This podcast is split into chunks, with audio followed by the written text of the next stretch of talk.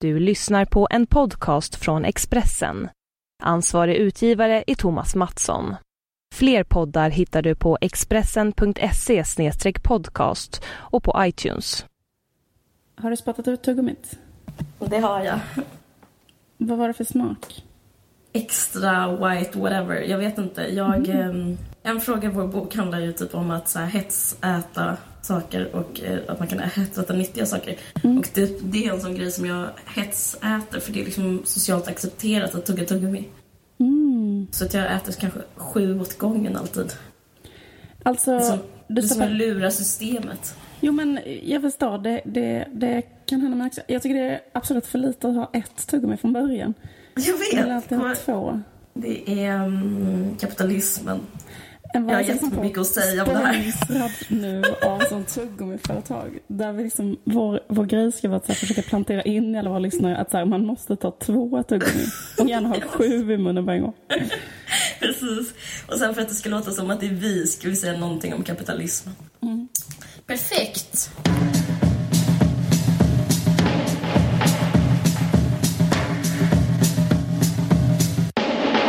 Hur är läget? Jo, det är bra. Hur mår du? Eh, jo, det är bra. Jag, eh, jag är så här, eh, jag har liksom försökt krångla iväg mina barn till dagis. Eh, och det är så himla, alltså det är väldigt jobbigt så här, att ha två barn och försöka få iväg dem till dagis när de är i den åldern som mina barn är. Jag hoppas att det inte ska vara så jobbigt när de blir lite större. Men det liksom tar så otroligt lång tid. Är de i trotsåldern? Ja men en är det. Alltså vill liksom inte ha på sig någonting eller vill, alltså du vet. Och en annan kanske är liksom på något annat sätt, typ tänker jättemycket på olika grejer. Han är fem. Och det har, har jag haft en sån det ligger liksom en tidning hemma hos mig där det är en bild på Yang Lin på omslaget. Och då ser han så mm. läskig ut. Och då, är, då blir han, får han så en reaktion med att jag tycker det är obehagligt. För att han typ blåser ut rök på något sätt. Så han ser så här obehaglig ut i ansiktet. Mm. Då var vi tvungna att ha ett jättelångt samtal om det. Prata om honom, fick jag berätta jättemycket om honom, liksom vem det oh, var, sådana saker. Googla det. Lyssna, lyssnade på hans låtar. Eh, för att liksom avdramatisera Yang och inte göra honom till en sån, eh, du var, förstår, det, det, obehaglig karaktär i hans liv. Hans, hans, pappa, hans mamma är diplomat, hans pappa är framgångsrik författare. Han har gått på Södra Latin. Det går jättebra för honom. Det behöver inte vara orolig för ja, men, precis. men du vet hur man kunde vara när man var liten, att man fick så här jag kommer ihåg att jag var så otroligt rädd för um, grådvärgar till exempel när jag var liten. Alltså att man får någon sån bild av någonting. Man typ ja, läs, absolut. Och absolut. sen blir det liksom sån skräck kopplat till det. Mm. Och så var jag rädd att han skulle få sån typ av skräck kopplat till Yang Lin. Eh, som figur. Jag tycker, jag tycker det här är taskigt mot Yang Lin. Grådvärgar tycker jag ändå är ju läskigt. Alltså det är meningen att de ska vara läskiga, är det inte? Jo, men han, han, eh, han är fem och han, eh, han bara tyckte att han, han såg läskig ut på en bild. Liksom. Jag fattar. Jag För då var tvungen ha så, rätt så mycket sån uh, fobiterapi. Skulle han ta på Yang Lins ansikte? Ja, faktum är att vi ritade lite grann på hans ansikte så här för vi så att han skulle se mer vanlig ut på sådana saker. Men skitsamma. Slut på min morgon. Nu är vi här. Ja. Vad har du gjort? Uh, jag, sov, sov medan allt det här hände. Jag fick Jag har sovit. Ja. Uh, det har ju varit helg precis, känns som. Jag har, jag har bland annat sett Hobbit.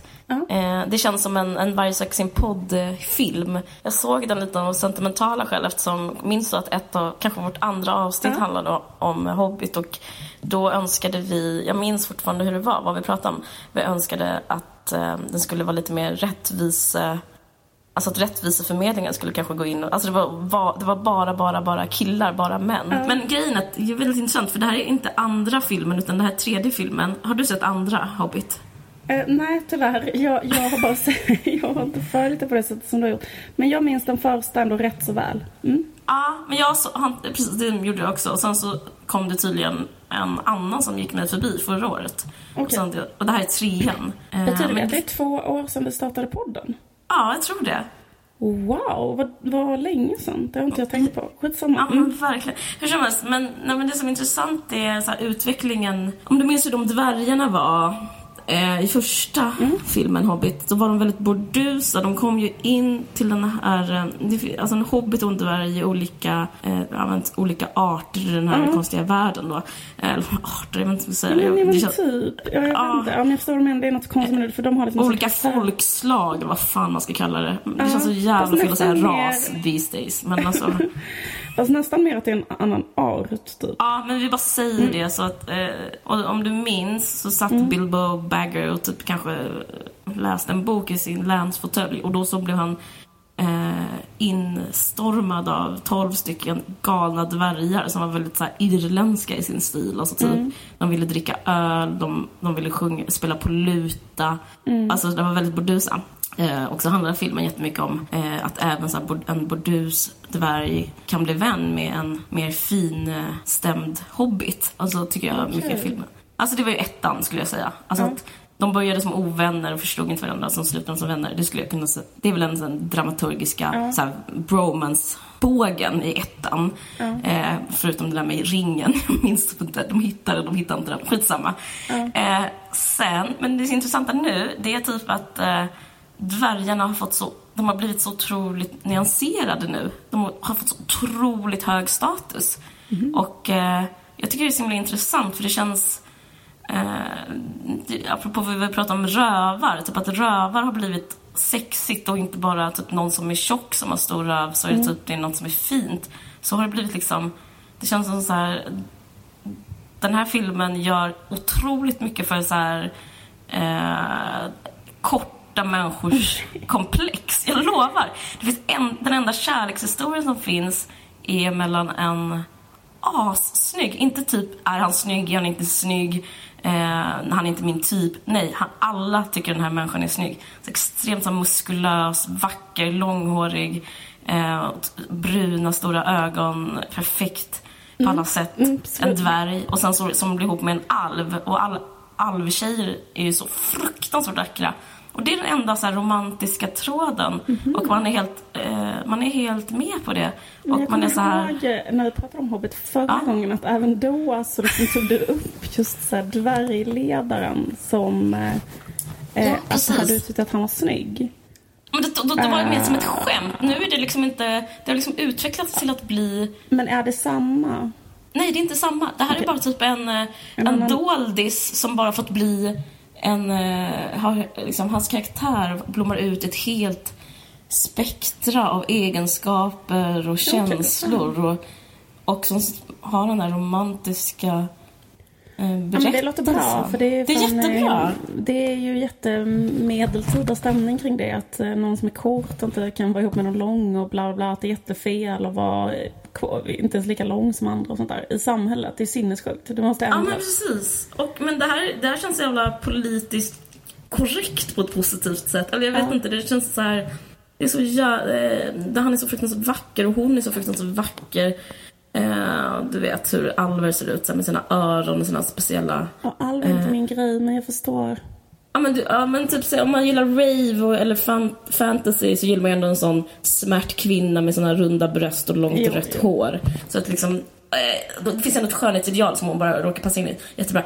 Hur som helst. Eh, nej men jag vill bara säga att eh, det, det fick en, jag fick en positiv eh, känsla inför, inför det och jag tänkte typ jag började så fantisera vad man själv kunde göra för typ samhället om man skulle byta ut skönhetsideal och bara liksom gå på en historia berätta den med andra människor som ser ut på andra sätt. Det finns liksom inte... Nu håller jag på med nu, jag får säga det här, men jag håller på med en castingsgrej. Ja. Och då letar jag efter en latinamerikansk skådis uh som inte är jättesmal. Ja. Så finns inte det i Sverige. Nej inte det, inte det lite väl? Det kanske finns om man lyssnar så... Man lägger eh, örat mot asfalten, mot gatan. Mm, precis. Eller vad menar du? Eller... Jag menar, det kanske, precis, när jag menar det kanske finns någon... Eh, för ibland så kan det vara så också, tänker jag med så här... Eller jag tänker så här, det är så jävla bisarrt, det måste finnas någon. Det kanske bara är så här att på de ställena de vanligaste ställena man kollar så kanske det inte finns typ. Men jag tänker så här, ja, det måste ju för fan finnas i någon så här frigrupp, eller tänk hur mycket skådisar det finns. Men, men jag vet exakt vad du menar, det är skitsjukt. Jag har i alla fall inte hittat någon Nej. och eh, jag Jag vill bara, jag vet inte, jag bara tycker... Jag fick en sån, jag fick en sån dvärguppvaknande efter den här filmen. Den var all, för övrigt asbra. Jag rekommenderar den otroligt varmt. Den är mm. jätte, jätte, jättebra. Mm. Du kommer inte se den va?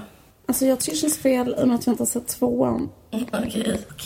Okay. Um, skojar bara. Vill inte se den. ja, men jag blir pyttelite intresserad av de där svinsnygga dvärgarna.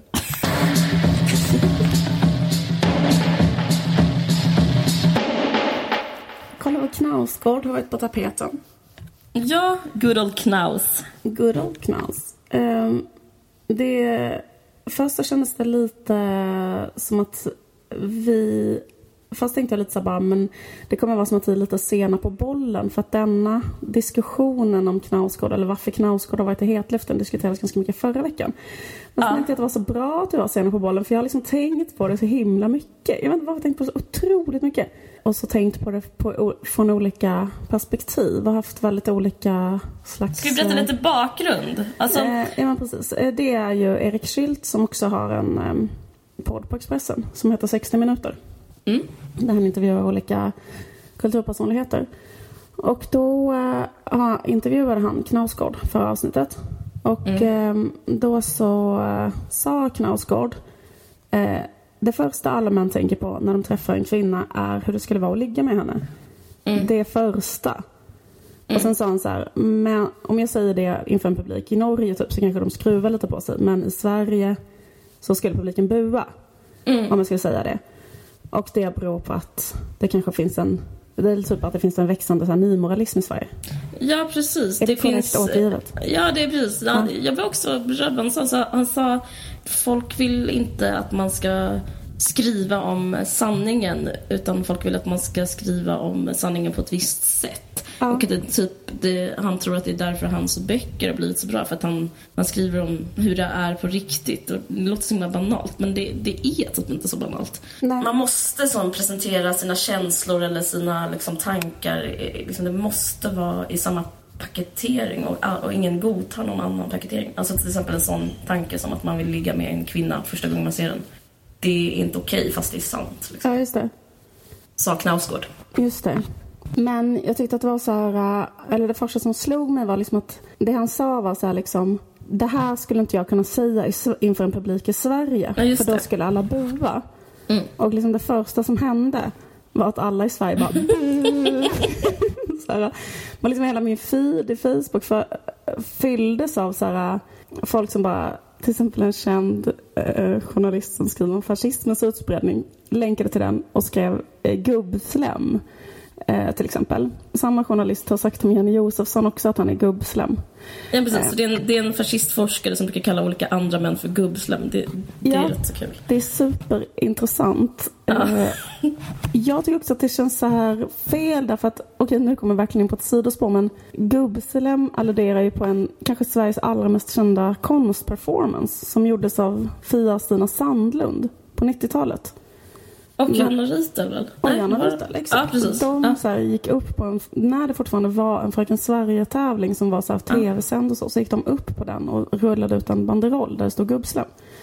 Det är en så precis. extremt känd och liksom väldigt så pionjär i feministkonstverk eh, liksom. Mm. Och vilket också typ gjorde att Fröken Sverige-tävlingen lades ner. Ja. Det, jag känner mig arg när folk använder gubbslem på fel sätt. För att jag, jag tycker inte att en, en manlig journalist som vill positionera sig som icke-sexist i relation till en annan man ska hålla på att använda det och, tänk, och tycka att han är cutting edge. Nej, jag håller helt med. Men det som, ehm, det är väl att han vill få ragg helt enkelt. Men, men inte orkat kolla upp. Jag tycker dels det, alltså det är tråkigt för det betydde så jävla mycket när eh, Fia, Stina och Johanna Ritel gjorde det. Men, men det är en annan sak är så, snälla, bara för att det var sista gången han typ så här orkade tänka en tanke på feminism så var det kanske eh, när 98 då, eller nej inte när de gjorde den där. Det känns också så uppda- ouppdaterat i, han är så utanför um, Terminologin är terminologin i debatten. Alltså det är inte Ja. där vi är just nu. Nej. Och att försöka så här minnas tillbaka, krafsa sig i huvudet och säga gubbslem för att få lite poäng. är Ja, men jag tycker bara att det är också så jävla dumt för att de skulle säga Ja. så här, ni kan inte, ni kan inte hantera att någon säger en sån här grej i ert politiska debatt. Och sen så, för då, för då underförstått kallar ni folk gubbslem. Och sen att de bara ställer sig upp som en man och skriker gubbslem.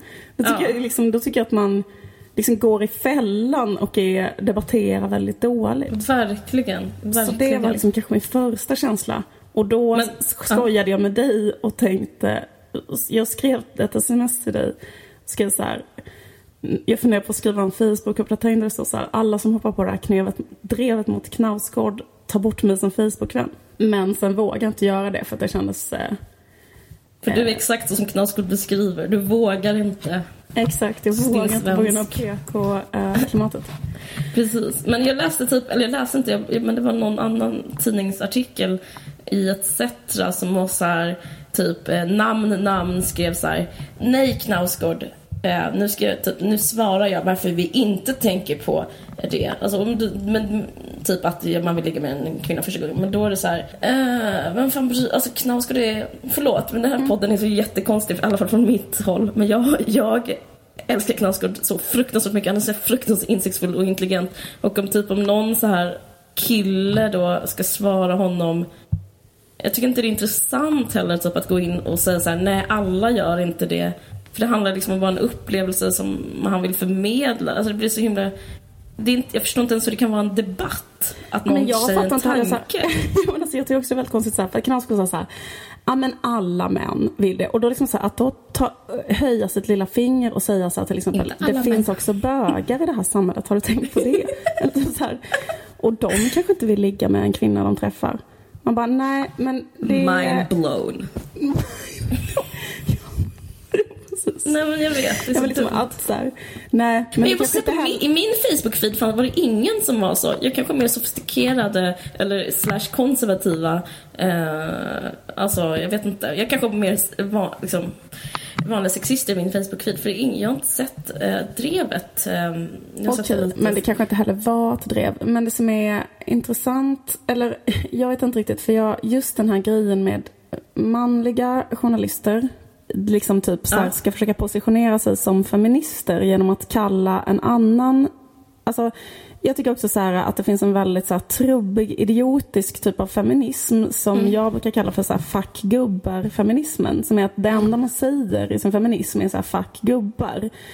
Och eh, det tycker jag känns väldigt så här, eh, liksom som en väldigt tråkig och helt hopplös, eh, jätteantiintellektuell feminism. Hur som helst så blir jag extra provocerad av män som säger fuck gubbar till då andra män som de uppfattar som mer sexistiska än sig själva. Och det enda de håller på med det är liksom att konstruera sig själva som så här moraliskt överlägsna de andra männen.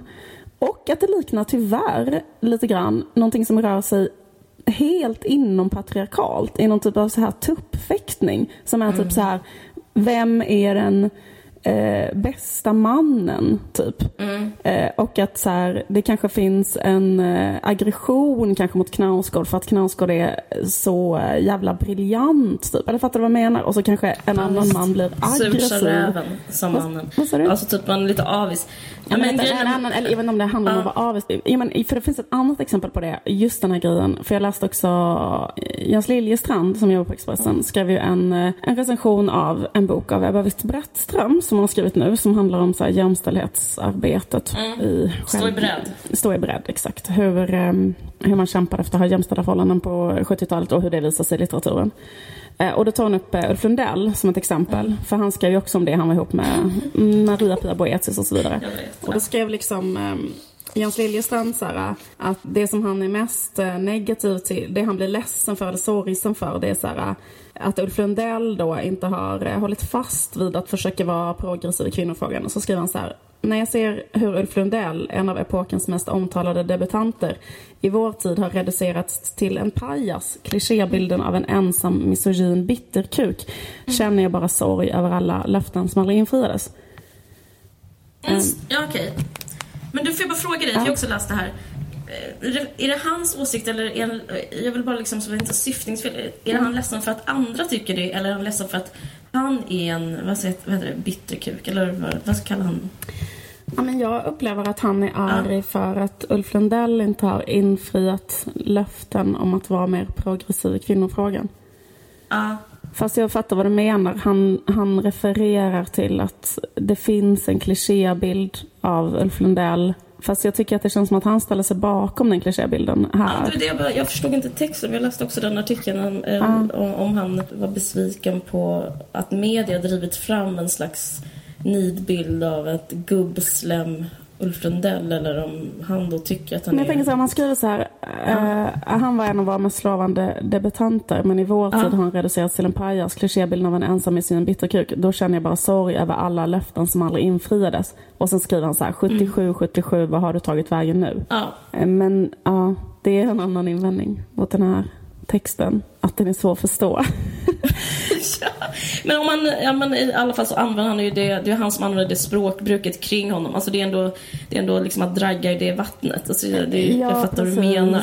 Jag, liksom jag vill bara han... säga en sak som uh. inte han säger innan. Den här grejen med att någon gubbe säger om en annan uh. gubbe att det är en gubbe. Uh. Och eh, det finns en sak som är ännu värre. En gubbe är en gubbe är en gubbe. Ja, rose is rose. Uh, uh, skitsamma. Uh, men typ, det är typ när en sån gubbe som egentligen inte tycker illa om någon annan gubbe typ försöker så pinpointa ens personlighet. Typ som att vissa skulle säkert beskriva om de kisar på den här podden för långt avstånd och säga så här, ja men det är en sån fuck you gubb-podd. Mm.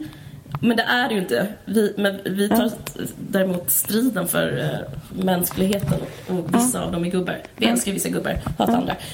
Eftersom vi är normala. Hur som helst. Men typ att en sån gubbe typ, eh, ibland får jag så sms av olika mediepersonligheter. Eh, det här är faktiskt sant. Och då är det typ att de droppar att så här, eh, det var kanske lite för många gubbar på minglet men annars var det helt soft. Och, och, mm. och det finns ingenting som irriterar mig så mycket att jag liksom ska vara en slags måltavla för eh, att prata skit om gubbar. Ja. Alltså det är en slags eh, trippelsexism i alltihopa som mm. jag bara Alltså det är liksom att inte se mig som människa överhuvudtaget. Ja. Prata inte med mig om gubbe gubbe. Ja, jättebra. Eh, Förstår du vad jag, menar? Med, exakt. Ja. Typ att det är så här, och jag känner också så här när andra män då ska attackera ja. exempelvis Knausgård utifrån ja. ett feministiskt perspektiv inte tycker att Knausgård får vara ärlig och beskriva en realistisk, litterärt beskriva en litterär gestalt och gestalta en mänsklig erfarenhet utan att ha moraliska synpunkter på den mänskliga erfarenheten och kritisera det utifrån, i feminismens namn. Då får jag lust att göra en sån hashtag, inte i mitt namn. För liksom, jag är sån 100% feminist. Liksom. Men jag tycker inte att man ska använda feminismen till den typen av totala idioti. Och det är samma sak som jag upplever med den här Ulf Lundell-grejen. en annan gubbe eh, ska inte hålla på att kalla Ulf Lundell gubbe och alludera på en sån... Alltså det han gör är att han säger... Klumpigt och kladdigt. Ja men också säger så här, att han säger bitterfitta då till ja, Ulf Lundell fast han säger istället bitterkuk. Men jag tycker också det är så enormt överdrivet aggressivt. Därför att så här, det är väl ingen kvinna som blir kallad bitterfitta så på Expressens kultursida nu för tiden. Eller någonsin har blivit skulle jag säga. Mm. Så det är liksom en sån överdriven aggression att säga så här. Nu är det dags för mig att kalla Ulf Lundell för bitterkuk på Expressens kultursida som hämnd för allt han har gjort mot kvinnor genom åren. Eller vad det nu handlar om. Liksom. Men du vet min åsikt om det här. Det här brukar jag alltid säga. Jag kommer att säga den igen. Det är ju för att ragga. Han säger så.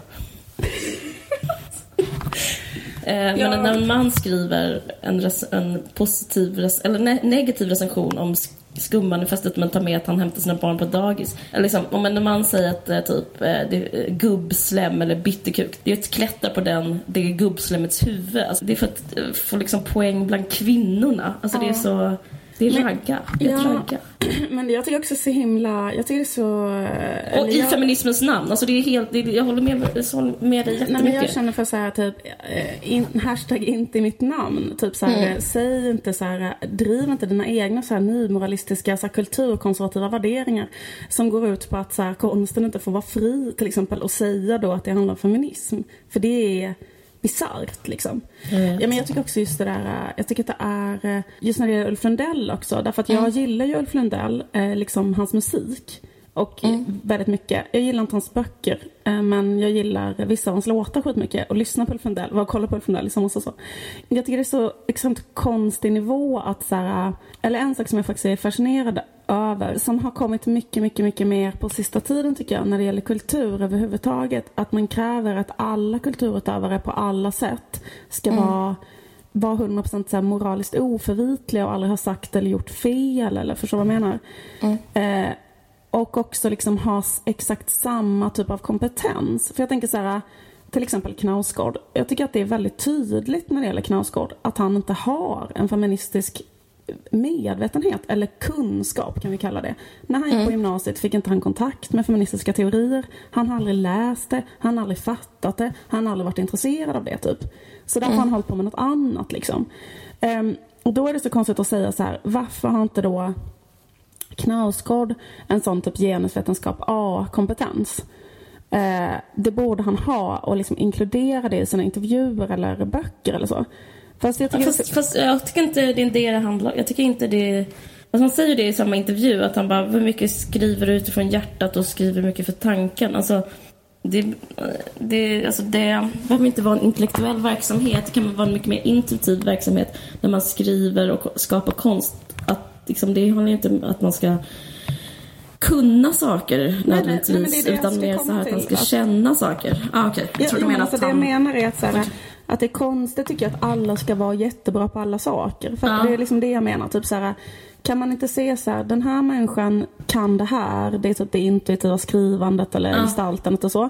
Men han kan inte det här. Typ skulle jag vilja fråga så här, hur ska vi få lika lön i Sverige. Kanske inte jag skulle intervjua Knausgård. Förstår du vad jag menar? Nej, men, nej, precis, men precis. gör det något liksom. Gör det någonting. Att inte han tycker det eller kan det eller om man ska säga eller liksom tänker på det sättet eller så. Alltså måste han också göra det? Det är det jag tycker är så lite konstigt. Det är mega konstigt. Alltså, jag förstår att det är en retorisk fråga men det är klart det inte gör något. Alltså, han pratar ju om typ hur svårt det är att vara människa i nutiden. Det är fantastiskt. Ja, men precis. Men kan man, säga, kan man ge Ulf Lundell det att han har en förmåga att gestalta eh, till exempel eh, dödsångest, åldrande, att vara en gubbe. Som, eh, tankar jag identifierar mig med. Som jag ganska ofta känner mig som en åldrad, eh, åldrande kulturgubbe. Mm. Och liksom, kan man då få uppskatta en förmåga att formulera det utan att så här, hålla på... Jag, tycker, jag faktiskt reagerar väldigt starkt också på att han använde ordet ensam eh, på ett negativt sätt. Alltså så att Jens Eliasson skrev så här. Ulf Lundell är en, en ensam misogyn bitterkuk. Och just att så här, eh, för just erfarenheten att vara ensam eller känna sig ensam, det, är så här, det, det tycker jag är ganska så bärande i allting han har skrivit och producerat. Liksom. Ja, och det verkligen. handlar liksom inte om någonting, alltså det är inte så här, ingen tycker om det, utan det han, det han gestaltar hela tiden, det är så här, en, en total känsla av utanförskap i alla situationer. Någonting mm. som är så väldigt allmänmänskligt. Eller så, så, liksom, men, men jag tycker det är så jävla obehagligt. Så här, du är ensam för du har ingen uppbackning av kultureliten längre. För det har han ju inte utan han är ansedd som så här dålig smak och du sitter där ute och är liksom inte, du vet sådär. Och sen mm. säger han så här, jag själv går jätteofta på en trevlig middag och har en fru eller, alltså fattar du? Eller så här, och, mm. och, och, och konstruerar det som något positivt. Jag själv är omhuldad av ett kulturetablissemang. Alltså, jag, jag, jag, jag, jag får liksom, liksom rysningar av den att konstruera en dikotomi mellan det där man lägger att vara en del av gemenskap som någonting positivt värdeladdat. Alltså jag ryser när jag tänker på det. Ja, jag vet, jag vet. Men man kan tänka så här, för att få dig att känna bättre. In the end of the day så kommer konsten att överleva en jävla artikel i Expressen. Alltid. Och det vet alla om. Och det är liksom så fåfängt att skriva en kvällstidningstext. Ja. Den, den, betyder inte ett skit mot alla de människor som står och gråter på en Rosendell-konsert. Det, det är bara desperat.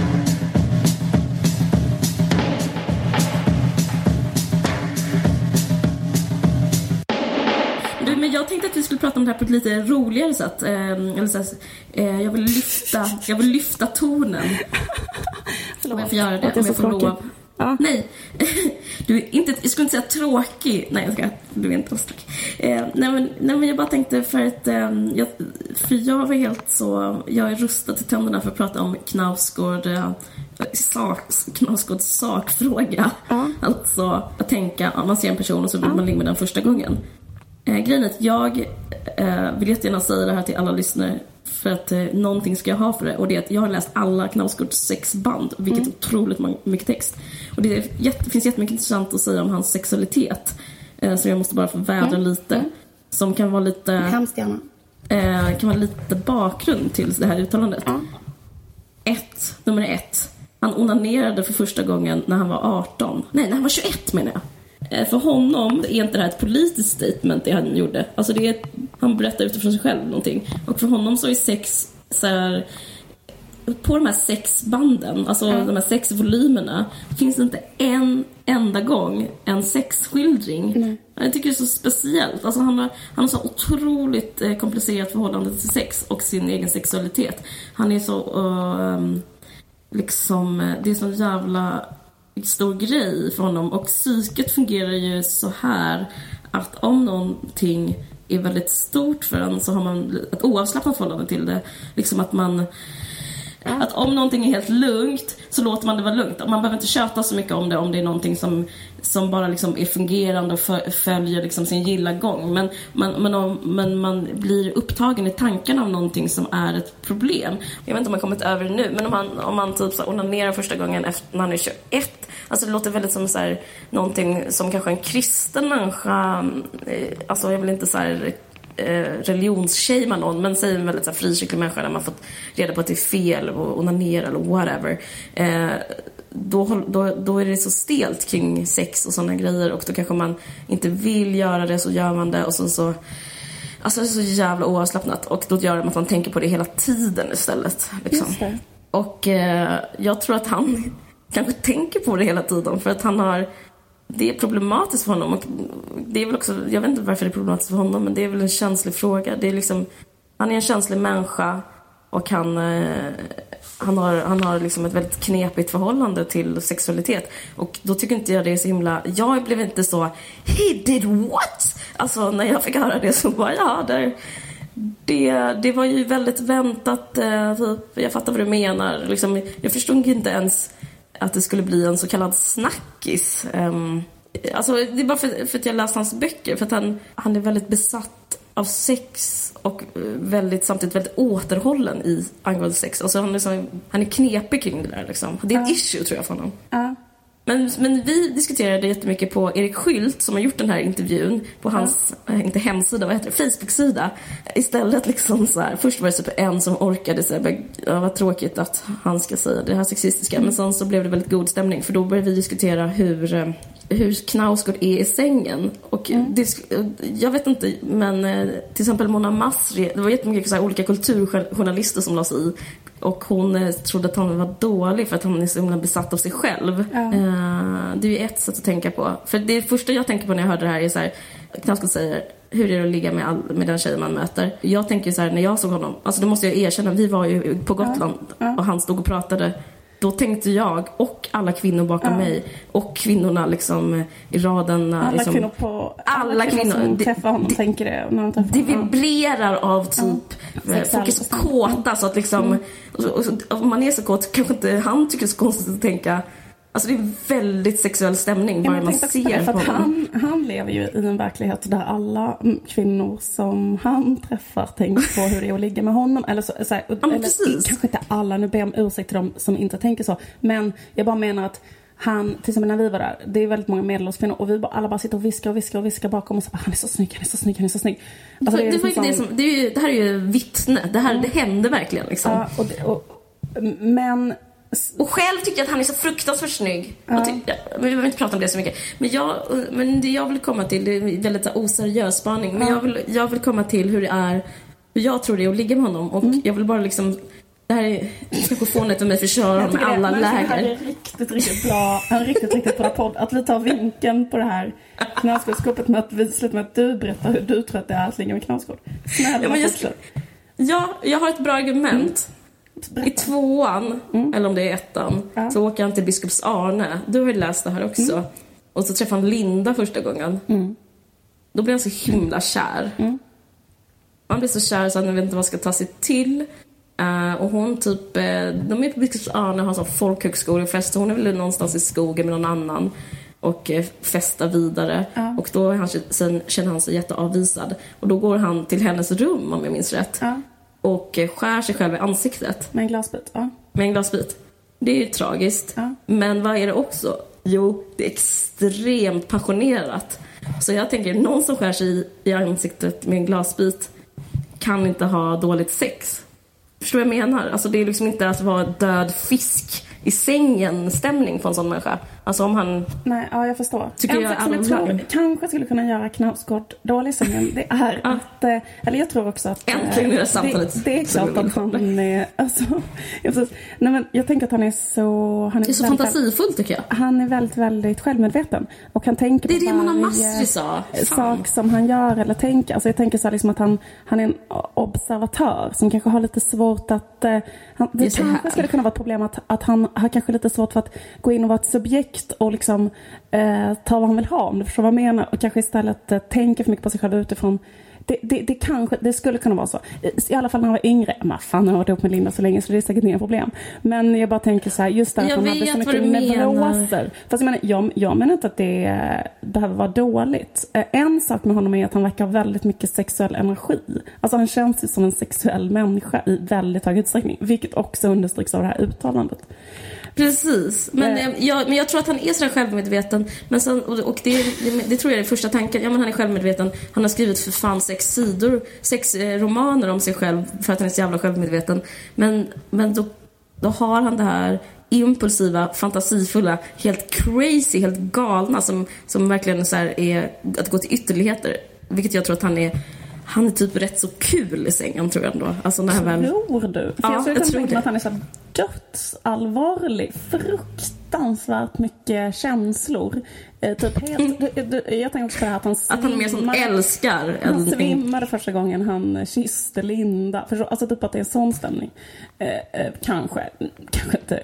Men det tycker jag att leva sig in i en situation, att svimma när precis, man är kär. Men jag tror inte att han är crazy, så rolig i sängen, typ skämtar. Eller? Inte, inte skämtar, men jag tror han är sådär... Jag tror han, eh, han får en idé liksom. Och den ska fan genomföras. Jag tror, Aha, på jag ett tror hett sätt menar du? Ja, visst. Han var såhär, eh, jag, jag, jag ska göra det här. Du kanske tycker, det kanske är olagligt i vissa stater, men vi, jag ska fan göra det. Och som typ så hittar han på något helt sjukt. Och sen säger han så här, vadå, ska du lägga ett moraliskt filter på det här? Det var bara mina känslor. Jag, tror, jag, jag bäddar för något, ett bra sex. Ty- tycker du det är bättre för ett bra sex? Ja, kanske. Ja, det tycker jag. Jag tror, jag tror, jag tror det är bra att Jag vara tycker det helt låter galen. jättenegativt att något ska vara, göra något som är olagligt i vissa stater. Det är sånt du jag vet på film. Jag vet inte ens vad det betyder. Nej, det, var roligt, det var roligt sagt. Men, men, men får, jag, får jag bara berätta om min fortsatta känsla kring Absolut. detta? För nu, Absolut. liksom, jag kände exakt så här, så som jag har beskrivit nu, jättelänge, flera dagar. Sen helt plötsligt så låg jag typ i min säng och tänkte på detta. Och då började jag tänka på det på ett helt annat sätt. Då typ Vad låg jag ner och så, och så fick jag en sån typ sån extrem stark identifikationskänsla med Linda. Och då började jag må jättedåligt. Och så fick jag en sån superstark känslomässig reaktion mot Knausgård och mot Knausgårds uttalande.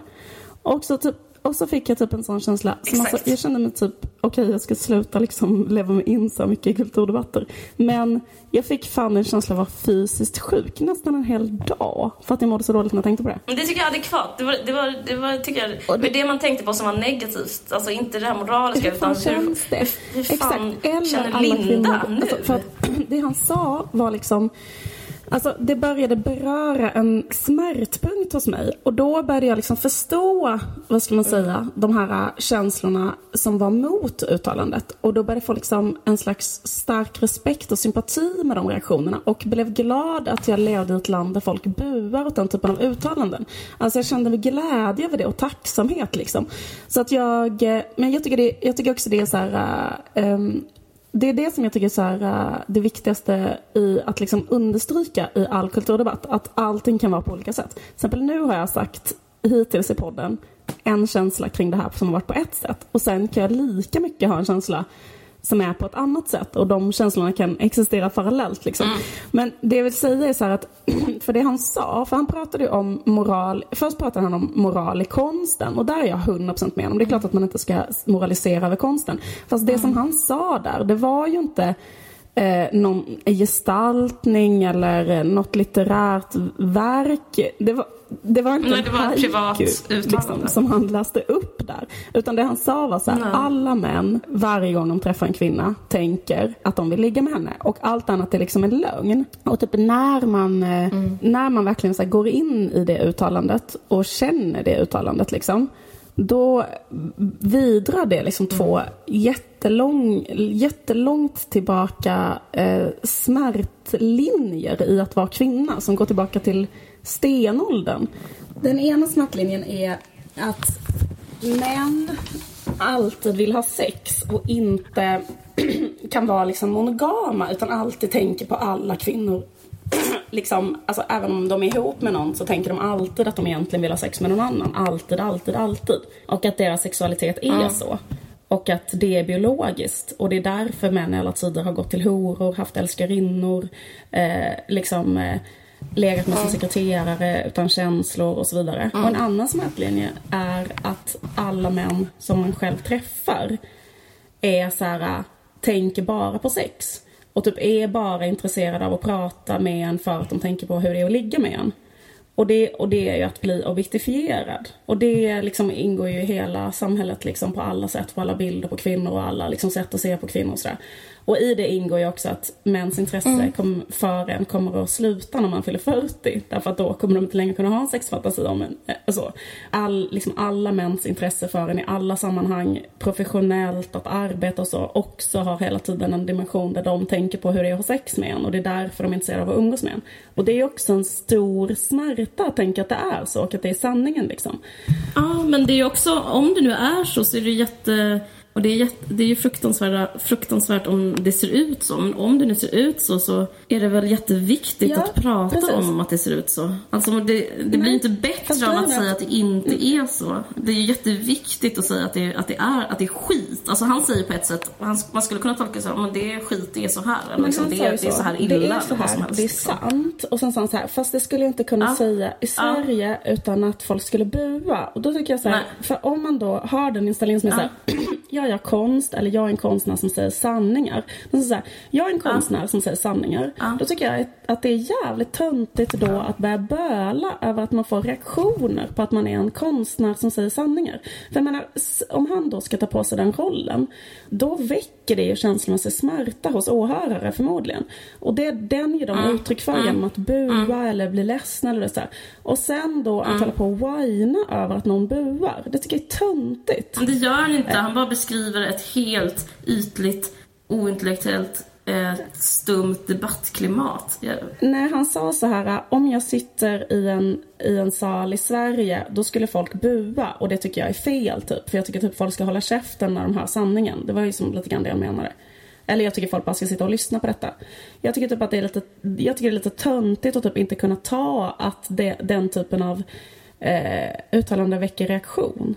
Ja, jag, jag, tror inte det är det jag menade. Alltså, jag tror det är mer, det, är väl, det var ju en symbol för, hur, för en politisk korrekthet som jag, som jag också håller med om. Det finns ju något förljuget i att inte få vara säga hur, alltså grejen är att jag håller ju såklart med dig och allt det där om att det är fruktansvärt med objektifiering och med att tänka att män eh, inte kan vara monogama i sin sexualitet på grund av jävla biologi. Det är fruktansvärt men om, men om det nu finns liksom massa symptom på det så blir det så himla konstigt att säga att nej, det är inte så. Om han upplever det och det finns någon sanning i det. Så, alltså jag tycker det vidrar samma vad vi pratade om förra gången, det här med rasism. Det är som att säga så här, jag är inte rasist, jag är inte sexist. Alla är ju rasister och sexister. Mm, poängen är väl så att man ska ta tag i problemet och jag tror att det är så. Jag tror att typ alla män eh, vill ligga med en och att det finns... Jag känner mig jätteobjektifierad alltid och vet att alla andra ja, kvinnor är det. Mm. Mm. Och det är ett jättestort problem för mig. Det är ett jättestort problem för mig i mitt yrkesliv. Ja, men då upplever jag att så här, jag tycker liksom att så här, det han, liksom att ta upp det och problematisera det eller få en mm. känsla, en negativ mm. känsla som får en att känna mm. att man vill bua när man hör någon säga det. Mm. Det är ju han emot. Alltså han vill ju inte att så här, att det, ska komma, att det ska komma upp till en debatt eller så. Utan han säger ju mer så här, det är bara så här. Varför kan ni inte bara liksom ta sanningen typ? Mm, nej, han säger det är så här och jag ska kunna säga det.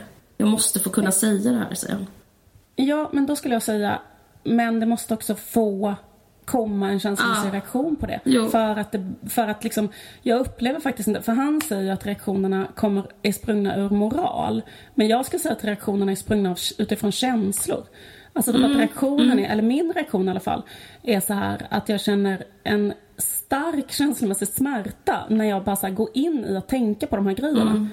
Och eh, tänka på dem eh, historiskt, tänka på dem mm. nu och tänka på hur det känns att leva i ett samhälle där det är mm. så. Det är fruktansvärt. Liksom. Ja. Eh, det är fruktansvärt och då kanske jag känner för att typ så här dreva mot honom på Facebook. Så därför liksom så, eller förstår vad jag menar? Och då tycker jag på ett sätt att jag, eller jag får förståelse för den känslomässiga reaktionen här. Och jag tycker liksom Men får du verkligen förståelse för de olika männen som säger så här, Nej, jag, du är ett gubbslem? Nej, inte de männen. Absolut inte. Men jag har förståelse jag önskar mig en, som ja, det, det, absolut, det har jag också. Men... Och, och så känner jag typ så här, och så känner jag liksom, och sen tänker jag också på Linda liksom. Ja, det jag tänker på massa saker som har att göra med jämställdhet. Jag tänker på sådana saker som har att göra med ekonomi till exempel. Mm. Att så här, hur viktigt det är att kvinnor har en egen inkomst så att man kan skilja sig och hur mycket det påverkar vilken typ av relation man har. Mm. Och så tänker jag på sådana saker som att i deras förhållande så har de fyra barn och han har alla pengar. Hon har väl typ minus hundra på kontot. Och, sen så kan, och, och, så tänker jag att det är det som gör att han typ kan säga det här offentligt. Gud vad intressant. De... Jag tänkte direkt också på Lindas utgivning efter jag hörde den där. Ja men typ hur det gått för hennes bok. Det... Jag tänkte också på hennes bok. Du gjorde det? För, att, för jag håller med dig. Först man tänker så här, um, ha ha ha. Sen så bara, gud hur mår Linda? Gud hur går det för henne? Alltså att man vill liksom Eh, går det för hennes ja, men jag bok? Liksom, kan, jag, säger det någonting? Ja, men jag tänkte så jävla mycket på just så här, eh, för på ett sätt är det ett helt okontroversiellt uttalande. Mm. För det är så här, alla vet egentligen att det är så att män mm. alltid objektifierar alla kvinnor. Så. Men en, ett annat sätt, eller att på ett sätt att både män och kvinnor värderar varandra sexuellt när mm. de träffas. Och det och så är det väl, mm. men efter, i samhällen där män har mer makt så blir det mer på mäns villkor, där mäns sexualitet Absolut. får liksom mm. ta mycket större utrymme. Liksom. Mm. Men, eh, men jag tänker liksom alltså att han säger också så här, det här får man inte säga för att det är provokativt. Och grejen att det är provokativt. Jag vet. Alltså, på ett sätt kan man säga så här, nej men det är, det är bara en självklarhet så varför kan man inte säga det? Men det är provokativt för han säger så här, det här kan man inte säga inom ramen för ett förhållande. Och man kan inte heller säga det inom ramen för ett förhållande. För då liksom, det man tänker på är ju så här, han har ett förhållande. Mm, vad är det som gör att han kan säga det? Jo det är för att han har mer pengar än henne. Mm. Slut på span. Jag fattar vad du menar. Jag håller med. Men eh, det är olyckligt. Alltså det är jättejobbigt att Linda... Men hon är, jag tror att de, har någon, de måste göra en gemensam deal hur de sköter det. Han har ju ut de här sex romanerna om, där han utelämnar henne och hela hennes familj. Hennes psykiska instabilitet och så vidare och så vidare i det oändliga. Så jag tror att de vad de har vet inte jag. Men det, jag... Ja men alltså jag pratar om dem nästan som symboler. Ja, jag förstår vad du liksom, menar. Så, så jag menar absolut inte att så, gräva hur de har det mellan sig. Så, för det vet inte någon ett skit om och det är fel att snacka om överhuvudtaget. Men jag menar med så här, som en, jag menar som en allmän symbolisk så här, eh, en allmän symbolik. Jag tänker på så här, kvinnors löner i allmänhet. Så här, möjligheten till skilsmässa och så. Jag förstår, jag förstår. Men jag tror, eller jag är helt övertygad övertygad om att, alltså på riktigt, att det är bra att han säger det. Att det är, för det är, jag, vet, men jag, jag kan inte säga att det är sant för ingen vet väl exakt hur siffror och sanning och sånt ser ut. Någon kommer säga inte, inte alla män och sådär. Men mm. vi kan ju ändå så konstatera att vi lever i ett ojämlikt samhälle med liksom, precis, ekonomiskt ojämlikt och, och så vidare. Vi lever ju ändå typ, i ett samhälle där män har mer makt. Och när, när han säger det och alla upp alla känner igen sig, blir illa berörda av minnen och av typ historien. Ja. Och män känner igen sig. Jag, jag, jag välkomnar den typ av uttalanden som, som inte är vad ska man säga? Så, så, nej, men som liksom inte är moraliskt korrekta. För det är, det är så, för grejen, livet är inte moraliskt korrekt. Livet är, Nej. och som samhället och just nu, allting är jätte, jätte dåligt. Och då, det som blir att han typ tar en kula för att säga att det är dåligt. Eller, och han, det är inte hans mening att säga så här, jag tycker det är dåligt. Utan han bara säger, så här är det. Och eh, Mm. det, är ju- det är ju inte att han säger det som är farligt, utan det är att det är så som är farligt. Ja. Och, och det, det, alltså- jag bara får en sån jätteakut känsla nu vad det gäller med, samma så här med, med rasism och allting. Det är som det här, vi måste säga så här, det är rasistiskt, det är sexistiskt. Man kan inte, man kan inte, bara för att man vill att det inte ska vara det, så kan man liksom inte utgå från att det inte är Nej. det. Man måste, jag blir så här peppad på att så här, okej men då ska jag aldrig mer jobba med en man mer i hela mitt liv. Så jag får typ sådana känslor. Eh, Jag får också såna känslor. Jag får sån känsla att jag vill flytta till den här Kate Millett-form där det bara är Ja, kvinnor men precis, och liksom bo ja. där för evigt och aldrig mer ha att göra med en man. För Ja. jag blir så jävla liksom, typ så, jag blir så, jag kan känna så här, jag får så här fysiska minnen av häxbränningen typ när jag tänker på det. För att det vidrar någonting som är så här, går så jävla långt tillbaka och är så vidrigt och innehåller så mycket smärta Ja. och så mycket brutalitet och så mycket liksom sjukhet mot kvinnor. Eh, Så jag, jag blir så här, jag blir jätte, jätte emotionell och det var det som hände mig typ fyra dagar efter att jag hade hört det uttalandet och varit så här 100% pro Knausgård. Sen vart jag så här liksom fick en fysisk Men det är ju inte Knausgårds fel, sjukhetskänsla. förstår du vad jag säger? Nej, nej, nej men alltså jag menar bara utifrån liksom det är hans uttalande. Ja. Men grejen är att så här, men sen måste jag säga en annan sak Mm. som jag tycker är jätteviktig. Bara för att vi är så jävla eh, liksom intellektuellt rörliga så att vi kan säga, se saker ur hundra olika perspektiv. Nej men på riktigt tycker jag faktiskt det är viktigt för, eh, för det är liksom eh, Eh, den här eh, debatten går bara ut på att ha så korta åsikter. Nu säger vi emot oss själva hela tiden, vilket är så jävla gött. Men i alla fall, en annan sak som jag tycker är jä- jävligt viktig att understryka. Det är så här, det är ju inte sexism att tänka att man vill ha sex med en kvinna. Alltså begäret, så här, det sexuella begäret är ju liksom inte... Och det är därför jag tänker också så här, att liksom, ju mer jämställt samhället är, ju mindre skulle så här, sexualiteten behöva liksom bli ett uttryck för så här, dominansrelationer på det sättet. Liksom, det finns inget som jag värnar så mycket om som den manliga sexualiteten. Please quote me on that. Eh, nej men alltså förstå vad jag menar. Typ att så här, känna ett begär, bla bla bla. Vad är det, liksom, det är ju så, självklart inget fel med det. Och det tycker jag också blir konstigt i debatten när man håller på och skriker då till alla män så här. Eh, nej, alla män tänker faktiskt inte så varje gång de träffar en kvinna. Men man bara, men väldigt många män eh, som jag känner, som du känner, som vi träffar, vet man ju att varje gång man träffar dem så tänker de på att ligga med en. Alltså det är ju så bra. Mm, absolut. Och det blir också konstigt att då säga till dem det är sexism till exempel. För det behöver inte heller vara sexism. Alltså det kan Nej, också bara vara... inte om man liksom, ser ha- hur vi, kolla hur vi ser ut. Ja men det kanske bara är...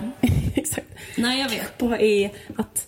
Eh, nej men det, det kanske är... eh, Eller så här, och, och, och samma sak, jag tänker ofta, eller det tänker mig själv ofta när Ja. man träffar. Eller det, det pågår ju en sexuell värdering i möten mellan olika människor. Ibland mellan kvinnor och kvinnor, ibland mellan män och män, bla bla bla bla. bla. Liksom, den så här, sexuella värderingen i sig är ju inte direkt eh, någonting som måste vara eh, höjden av sexism och så. Nej, det som är höjden av sexism är ju typ så här i, i, jag menar jag tänker på sådana saker som typ i Frankrike så här, där gubbar går ut med sådana debattartiklar. Kända män går, som köper horor skriver en debattartikel som heter eh, eh, Kåtgubbarnas manifest. Vi säger bara hur det är. Gubbar vill ligga med horor. Och eh, liksom eh, det är sanningen. Och eh, nu vill vi att lagarna ska ändras så det blir lättare för oss. Eller, eller något sånt där. Och liksom inte ha någon, alltså att det inte finns någon kritik. Det finns ingen jäm, alltså liksom att debatten ligger på en nivå. Jag håller med. Det är inte höjden av sexism. Men grejen är att det, grejen, jag tror samtidigt så här, jag tycker det är så intressant för det, det finns liksom ingen, ingen yta för att ehm, ta sexuella känslor i ett så här, politiskt samhälle. Alltså det är liksom väldigt svårt. Det är som ingen står ut med att han säger det. Alltså bara att han har sexuella känslor det står man liksom inte ut med. Det, man, men, men man måste vara så holistisk. Man måste kunna stå ut med att det finns sexuella känslor. Man måste stå ut med att vi lever i ett patriarkat. Alltså, jag hade önskat att det blev en annan stämning på typ kultursidorna som var så här, vi lever i ett patriarkat. Det, för, för det är inte så det ser ut. Nu är det så här, jag är så duktig, för jag är inte sexist. Och när jag är inte sexist, då gör jag det här med mina osexistiska vänner. Och som inte sexist så tycker jag, om, tycker jag inte om sexister. Och det var allt från lilla mig Puss kvinnor. Och, man bara, och sen så här, du är en sexist och jag är inte en sexist. Mm. Och man bara så här, nej precis. för alla är sexister. Precis. Även alla kvinnor. Bara, för att vi lever i en sån kultur. Ja, precis, ja. Nästa artikel. Jag är inte rasist. Jag tycker det är så sorgligt med tiggare. Men jag är inte rasist. Hej då. Mm. Man bara, men gud, ni måste... Man, varför kan man liksom inte ta i smärta? Det är som att så här, hela svenska folket eller världen är så, liksom, är så outbildade i psykologi och härbärgering av smärta smärta. Liksom, varför kan man inte bara få liksom vara en slags smärtpunkt och bara hur fan ska vi lösa det här? Varför, varför är det ojämlikt fortfarande? Mm. Liksom, vad... jag tycker också att det är väldigt så här, slappt typ av feminism som bara går ut på att skuldbelägga manlig sexualitet. För jag tycker också så här, just den här grejen med sexualitet är liksom ja. eh, för det är precis så här, att man känner ett obehag för att i vår kultur så är inte Alltså sexualitet är, om man ska prata i freudianska termer, så är det liksom fortfarande mm. en del av detet. Alltså det får inte vara så på bordet typ. Alltså, mm. Och det han gör nu är att ta upp någon, så här, kanske liksom en drift som man kanske inte mm. brukar prata om. Så här, kanske under tiden han står och pratar med eh, hon, den här ordföranden för Bergmansällskapet. Som vi såg honom så kanske han tänker på, på att ligga med henne. Och samtidigt så svarar han på hennes frågor. Men de sakerna kan ju också säkert så pågå parallellt. Men man brukar inte så ta upp detet eh, som liksom någonting som är på bordet. Men grejen är att så här, jag tycker det är så här, också jävligt konstigt att säga så då. Ja men det är lite så här borgerligt för allting så här nedanför så bältet är så här, det finns inte, sluta! Det är så jävla... Ja för det finns ett element av detta som är så här, sex är äckligt eller åtrå ja, är äckligt. Speciellt när det kommer från en äldre man till exempel. För det är också så här, mm. i, i liksom ordet gubbslem så ligger det ju så här, en värdering som är så här, det är liksom äckligare när en gammal man känner åtrå. Nu är inte Knausgård mm. gammal eller äcklig men liksom, man försöker ju göra honom gammal mm. och äcklig genom att kalla honom för det då. Eh, eller som till exempel att kalla Ulf Lundell eh, liksom bitterkuk, att det är liksom ett sätt att så här, eh, göra äldre manlig sexualitet äcklig. Och, och, och sådär. Och det, det är så dumt. Ja, men det tycker jag liksom är också att man måste så här, i sitt eget huvud liksom försöka vara ärlig med så här, vad är en gammal moralisk borgerlig åsikt om att mm, sex är äckligt och vad är eh, liksom att någonting är ett uttryck för sexism. Liksom, för att, så här, eh... Precis, alltså det är inte så här, man behöver inte så vara viktoriansk för att vilja krossa ett patriarkat. Jag ska inte säga ordet, det blir också så fel. Men alltså, för att vilja motverka ojämlikhet i samhället behöver man inte så här, bli så här viktoriansk och pryd. Och, alltså, det är så jävla underligt och konstigt skamfullt. Ja, därför måste man tänka på jävligt noga hur man formulerar sig. För jag tycker också att det ja. blir någonting konstigt när folk då till exempel debattörer säger så här, nej alla män tänker faktiskt inte på sex varje gång utan det är typ bara vissa män som gör det. Men de männen som då gör det, då blir det också väldigt konstigt så här, Betyder det, eller jag tänker till exempel ja. att det är så här, en ung människa kanske tänker oftare än en äldre människa. Alltså förstår du, bla bla bla bla. Då tänker jag så här, och sen så drog han, den här debattören som du tog upp, han drog det vidare till våldtäkter och övergrepp och så. Och det tycker jag också är väldigt, väldigt fel. För att, eh, och det tror inte jag gynnar någon. Utan det som gynnar män är väl snarare så bara att eh, erkänna och som lär sig saker om sin sexualitet och ha det gött med sin sexualitet och göra det på ett sätt så att det inte... Det är ju en positiv kraft liksom så överhuvudtaget. Så här. Och därför så blir det så jävla konstigt att hela tiden stämpla det som någonting som bidrar till förtryck till exempel. Eller någonting som bidrar till liksom, i en mer jämställd värld så mm. Eh, ska, skulle det ju, eller problemet handlar liksom inte om manlig sexualitet, problemet handlar om att det är en, eh, ett patriarkat som sätter ramarna för det. Liksom. Ja. Men, men, grejen är att om man ska, jag måste återkomma till det här med att det är så opsykologiserad stämning. För liksom om man tänker på Freud, vad hans idéer om psyket var, alltså är att sexualitet finns, alltså det är liksom ingen undkommer det, det är att vara människa liksom. Ja. Och, det, och vi i vårt samhälle måste dela med sexualitet och, vi, och liksom, du måste förhålla oss till det. Och det, alltså ett svar på att eh, det finns sexism är ju inte att säga så här, det ska inte finnas sexualitet, det ska inte finnas begär till exempel. Nej. För att det kommer väl bara fram då hundra gånger starkare i något lite sjukare format. Jag vet inte, det kanske inte är så. Men liksom samma med aggression, att liksom aggression, det måste få finnas. Man kan inte bara förbjuda det som man tycker är läskigt. Och det mm. håller jag med Knaskad om att eh, man vill att sanningen ska låta på ett annat sätt än sanningen är. Typ att ingen är dum, ingen är kåt, ingen har mörka känslor. Mm. För hur ska man annars så här närma sig eh, problemen. Alltså om, det, om, man inte säger att det finns några problem eller finns eh, att alla människor bara så här eh, friserade, okåta, utan mörka känslor. Ja. Jag vet inte, det blir liksom eh, Då kan man bara skylla, som... handlar om att man skyller på andra liksom också hela tiden. Alltså det är ju alla människor med alla sexualitet som skapar samhället. Men jag tror, men jag tror man måste skilja på sexism och sexualitet. Alltså det, det säger jag nu så fruktansvärt självklart. Jag hoppas jag inte ens behöver säga det. Ja men jag tycker liksom att det känns lite tråkigt därför att det är väldigt många av de här sakerna som kommer upp är så totala ja. självklart. Att det liksom så här, ja. Man måste kunna gestalta omoral utan att lägga ja. moraliska värderingar på det. Så här, man mm. måste kunna skilja på det liksom, hur man tycker att det borde vara hur det är och det måste man få skriva om. En annan sån sak är så här, sexism är inte att vilja ligga med en kvinna. Alltså, typ så här, eh, men, men de sakerna eh, har ju inte kommit fram i den här debatten utan det känns som att Nej. folk har ju sagt den typen av grejer. Så um.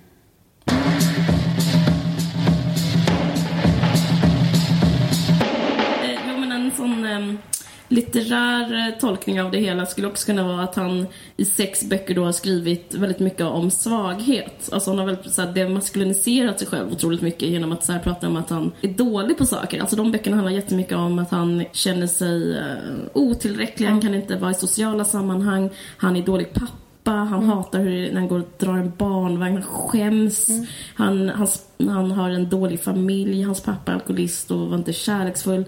Han har inte nära vänner förutom den här proffsboxaren. Han, alltså Geir som mm. verkar lite... Alltså, och han, eh, han kan inte riktigt kommunicera med Linda.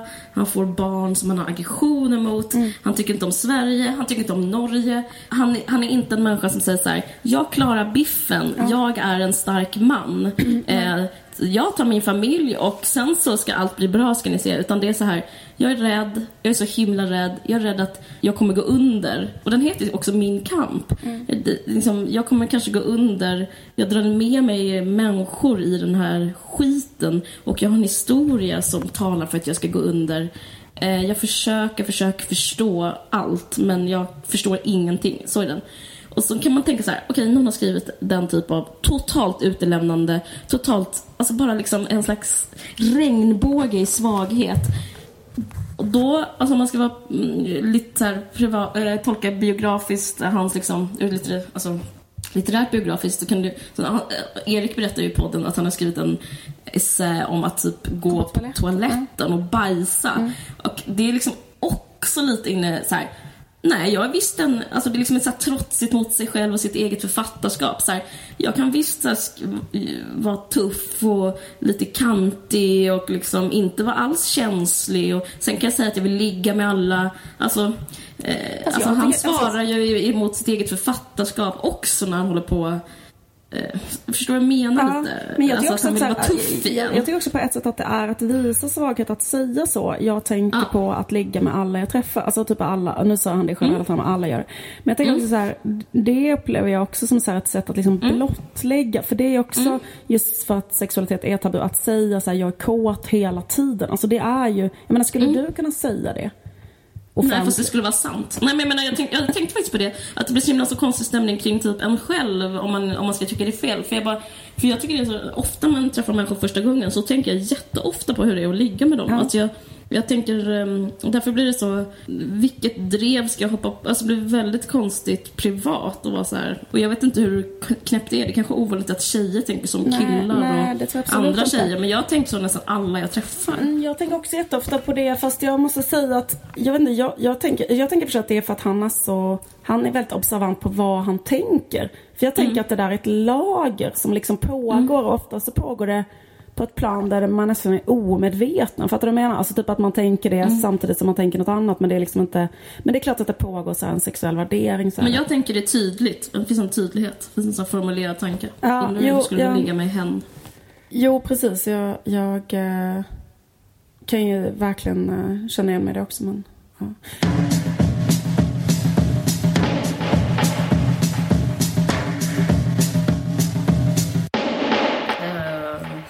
Läste, du, eh, man, måste ju hänga med.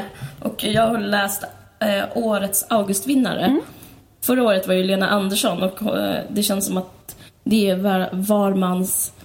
Det är allmänbildning nästan att läst mm. Lena Andersson över det här laget. Men den här nya kvinnan författaren Kristina Sandberg känns det inte alls som det är samma bass kring. Känner du, vad tycker du? Hur upplever du hennes uh, Ja, nej precis. Det, är väl, det innehåller väl kanske inte riktigt samma slags här, uh, uh, liksom basselement som Lena Anderssons hade som var, det fanns lager av uh, skvaller, sensation, lite så, som kanske inte riktigt finns med Kristina Sandberg. Nej, precis. Kristina Sandberg är då en författare som också är psykolog som har skrivit en romansvit om en kvinna som heter Maj. Det är tre stycken böcker eh, som börjar utspela sig i Örnsköldsvik 1938. Eh, Maj blir med barn. Eh, typ, efter typ har bara legat med någon en gång. Och hon är från superarbetarklass och så den här mannen hon ligger med är lite så medelklass eller så här borgerskap. Eller vad man ska kalla det, han så här köpmanna Skitsamma. Men um, den, jag, precis, jag läste ut den igår. Och, att föda ett barn heter den. Och den är, den är 700 sidor lång. Det var inget skryt, men grejen är att uh, jag har mått så fruktansvärt dåligt. Jag är, du och jag har träffats flera gånger och jag har liksom alltid velat prata lite om ja. den här. För att jag... Um, du har messat mig flera gånger, så läs, du måste läsa den för jag måste prata om den. Ja. Ja, men jag vet, men jag mår så dåligt och jag, jag, vill, jag vet inte vem jag ska prata med den om. Jag, den, den är så fruktansvärt deprimerande. Alltså, Mm. Det är så fruktansvärt deprimerande. Alltså det är så, det är så hemskt, det är så hemskt apropå patriarkatet, alltså apropå sexism.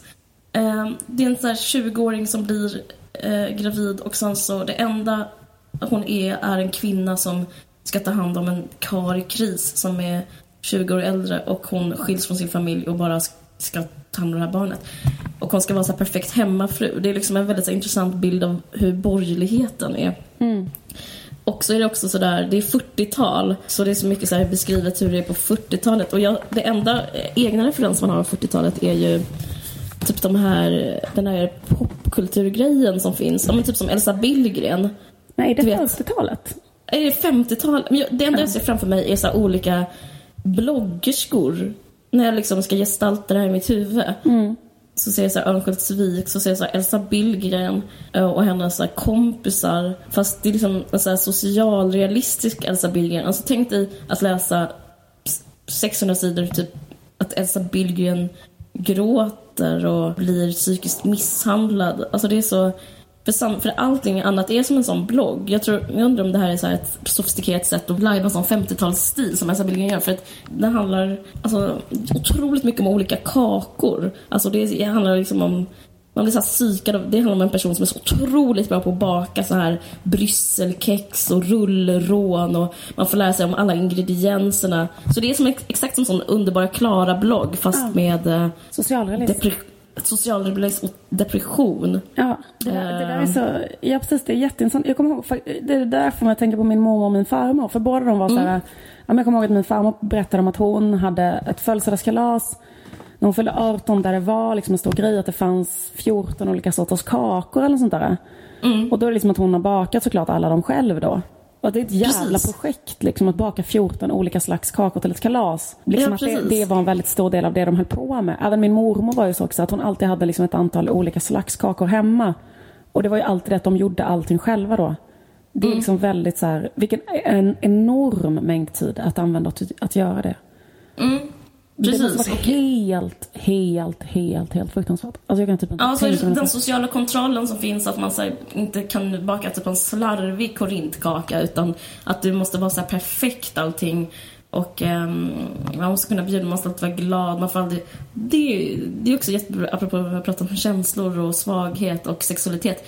Det ska inte finnas överhuvudtaget utan allting är bara så här en slags kakfasad som Eh, och så bara liksom dricker alla hela tiden. Det är så intressant. Och hon har gjort jättemycket research och det är säkert så det var väl så väldigt mycket. Men typ när de var gravida så, det tycker jag i och för sig är rätt befriande att man läser hur, hur ofta hon tar sig en konjak, hon tar en grogg. Hon bakar kakor och tar sig en grogg, alltså ja, men typ så 90% av tiden för att stå ut liksom. Mm. Men, eh, Det finns ett, ett pyttelitet stycke som är att en fritänkare kommer och säger så här att baka, det är ju liksom, det är en kvinnofälla. Alltså jag tänker så mycket på hela den här underbara Klara Elsa Billgren, Shabby Chic, Äntligen Hemma, Ernst. Alltså typ mm. att de borde kanske tänka efter lite innan de håller på så här tvinga alla nu i jultid att, äh, att pyssla. pyssla alltså, man måste få ja. pyssla, måste få vara liksom en äh, upp till var och en. Det kan inte vara sånt att man är en dålig människa om man inte pysslar. Ja. Äh, men i alla fall, okej, okay, nu ska vi berätta. Det här är bara för att visa hur många kakor hon kan. Mm. Okej, okay, småbröd är kättingen som måste gå ur tiden, sa han. Och så tog han en plättbakelse och drack kaffe. Alltså den här radikala fritänkaren. Mm. Och hon såg hur det rann en brun droppe på hans renrakade haka. Och nu sitter hon här och blir arg och tänker på att det är själva glädjen att bläddra i mammas kokbok och drömma inför jul och midsommar. Smörkringlor, strassrosor, brysselkex, rullrån, schackrutor och korintkakor. Och vid alldeles extra fina tillfällen mandellöv, medaljonger, mandelmusslor. Det var ju stunden av lycka att ta fram vågen, mäta upp mjölet, sockret, smöret, att knäcka ägget och varligt skilja gulan från vitan. Mamma och hon vid diskbänken, tysta koncentrerade tillsammans. Hon kan inte minnas hur liten hon var när hon första gången fick hjälpa mamma att bre smör på vetedegen, att skrapa bunken från sockerkakssmet. Man måste få unna sig lite. Alla kan väl inte gå på kondis eller bageri? Alltså förstår du? Mm. Sådana tankar att hela tiden så här, eh, det där ska man liksom baka stress. Ja. ja. Men intressant också. Jag menar att det är dubbelt beskrivet. För då är det också beskrivet som... För jag tänker liksom att väldigt många kvinnor fick sin liksom kreativa, kanaliserade sina kreativa förmågor i mm. de grejerna. Vilket mm. såklart mm. gav dem liksom jävligt härliga känslor. Som hon ju också beskriver det. Precis, fast jag tror att det är en, jag tror det är som eh, den där urbana myten om den lyckliga horan. Förlåt. Förstår du vad jag menar? Mm. Alltså, jo, okej, okay, kreativitet hit och dit. Men samtidigt så var det typ en kvinna som stod hemma och slavade i köket. Jag vet inte. Jag blir, så, jag blir i alla fall... Um, jag blir så illa berörd just nu i juletider av den pressen som så här, kvinnor håller på med. Verkligen. Uh, jag ska bo på hotell. Jag ska inte fira jul. Jag ska bo på hotell i jul. Fy fan vad härligt. Mm. Jag ska faktiskt inte heller fira jul. Jag ska åka till Berlin med min syrra. så jävla Älskar att vi lever 2014. Jag med. Jag såg på tv-program, eh, förlåt jag ska verkligen sluta nu, men jag såg bara så här ett, reklampausen. Jag såg övrigt, för övrigt på mitt eget tv-program Ska vi göra slut som jag vill tipsa om. Men då var det reklam och då var det så här, det var bara en vecka sedan och det lackar mot jul. Och då är så här, all reklamtid uppköpt av så här sms-lån företag. Alltså jag blir så jävla illa berörd. Alltså julen kan fucking dra känner jag. Ja, verkligen. Sluta, sluta. Sluta råna oss. Ja, sluta råna oss. Sluta eh. suga ut svaga människor. Sluta råna oss på vår tid och kvinnokraft, julen. Exakt. Mm, okej, eh, ni har lyssnat på en Vice sin podd. Det är ett samarbete med Expressen Kultur. Jag heter Liv Strömqvist och den görs också av Caroline Ringskog Ferrada Ja! Nu ska vi ha jullov. Vi ska ha jullov. Eh, hoppas ingen psykar ihop ni är inte ensamma. Nej, precis. Och vi, vi är tillbaka om några veckor typ. Puss och kram. Hej, hej. Ha det så bra. Hej. Du har lyssnat på en podcast från Expressen. Ansvarig utgivare är Thomas Mattsson. Fler poddar hittar du på expressen.se podcast och på iTunes.